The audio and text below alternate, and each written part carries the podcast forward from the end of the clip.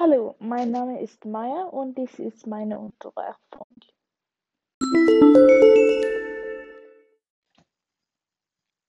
Der Einbrecher Teil 1 Ich muss den Kommissar sprechen, sagte der Mann. Er konnte sich kaum auf den Beinen halten, und seine Alkoholfahne wehrte durch die Waschstube. Der diensthabende Polizeibeamte blickte nicht gerade freundlich auf die schwankende Gestalt.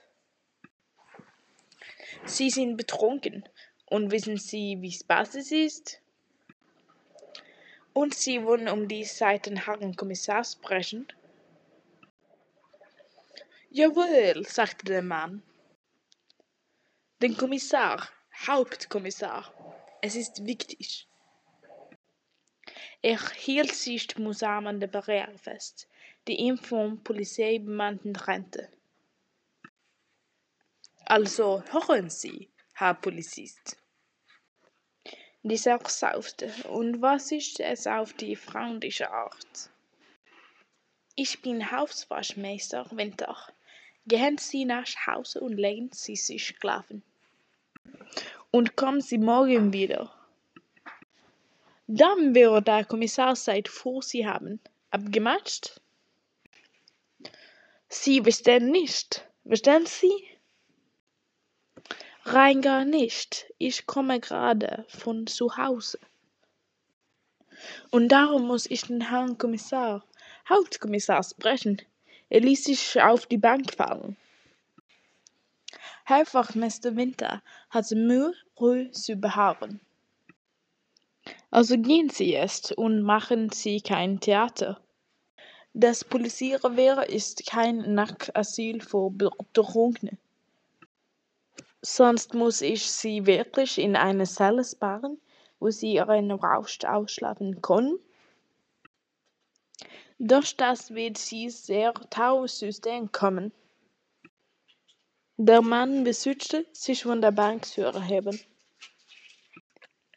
Sie müssen, lallte er.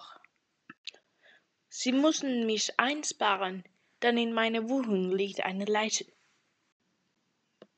Und ich habe sie erschossen. Ja, den Dieb. Er rülpste.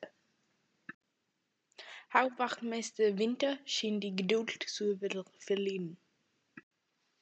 Jetzt ist aber Schluss. Ich bestelle Ihnen jetzt ein Taxi.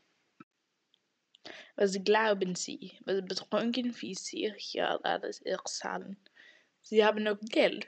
Ich meine für das Taxi. Der Mann schüttelte den Kopf und lachte. Das darf doch nicht wahr sein. Wessen Präsentator diesem langweiligen Posierer während eine Tat, nämlich mich, und der Herr Polizist will mir ein Taxi bestellen? Das ist doch drei buchreif. Er kramte umständlich in seinen Taschen und hatte plötzlich eine Pistole in seiner Hand, die er auf den anderen richtete.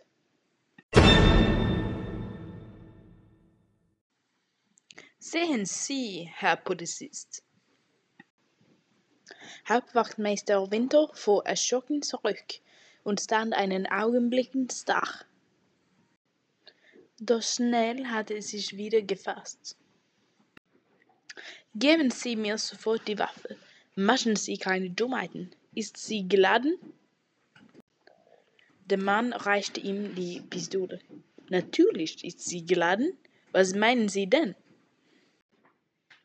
Das ist das Corpus Delicti. Das brauchen Sie doch. Und kann ich jetzt den Herrn Kommissar sprechen?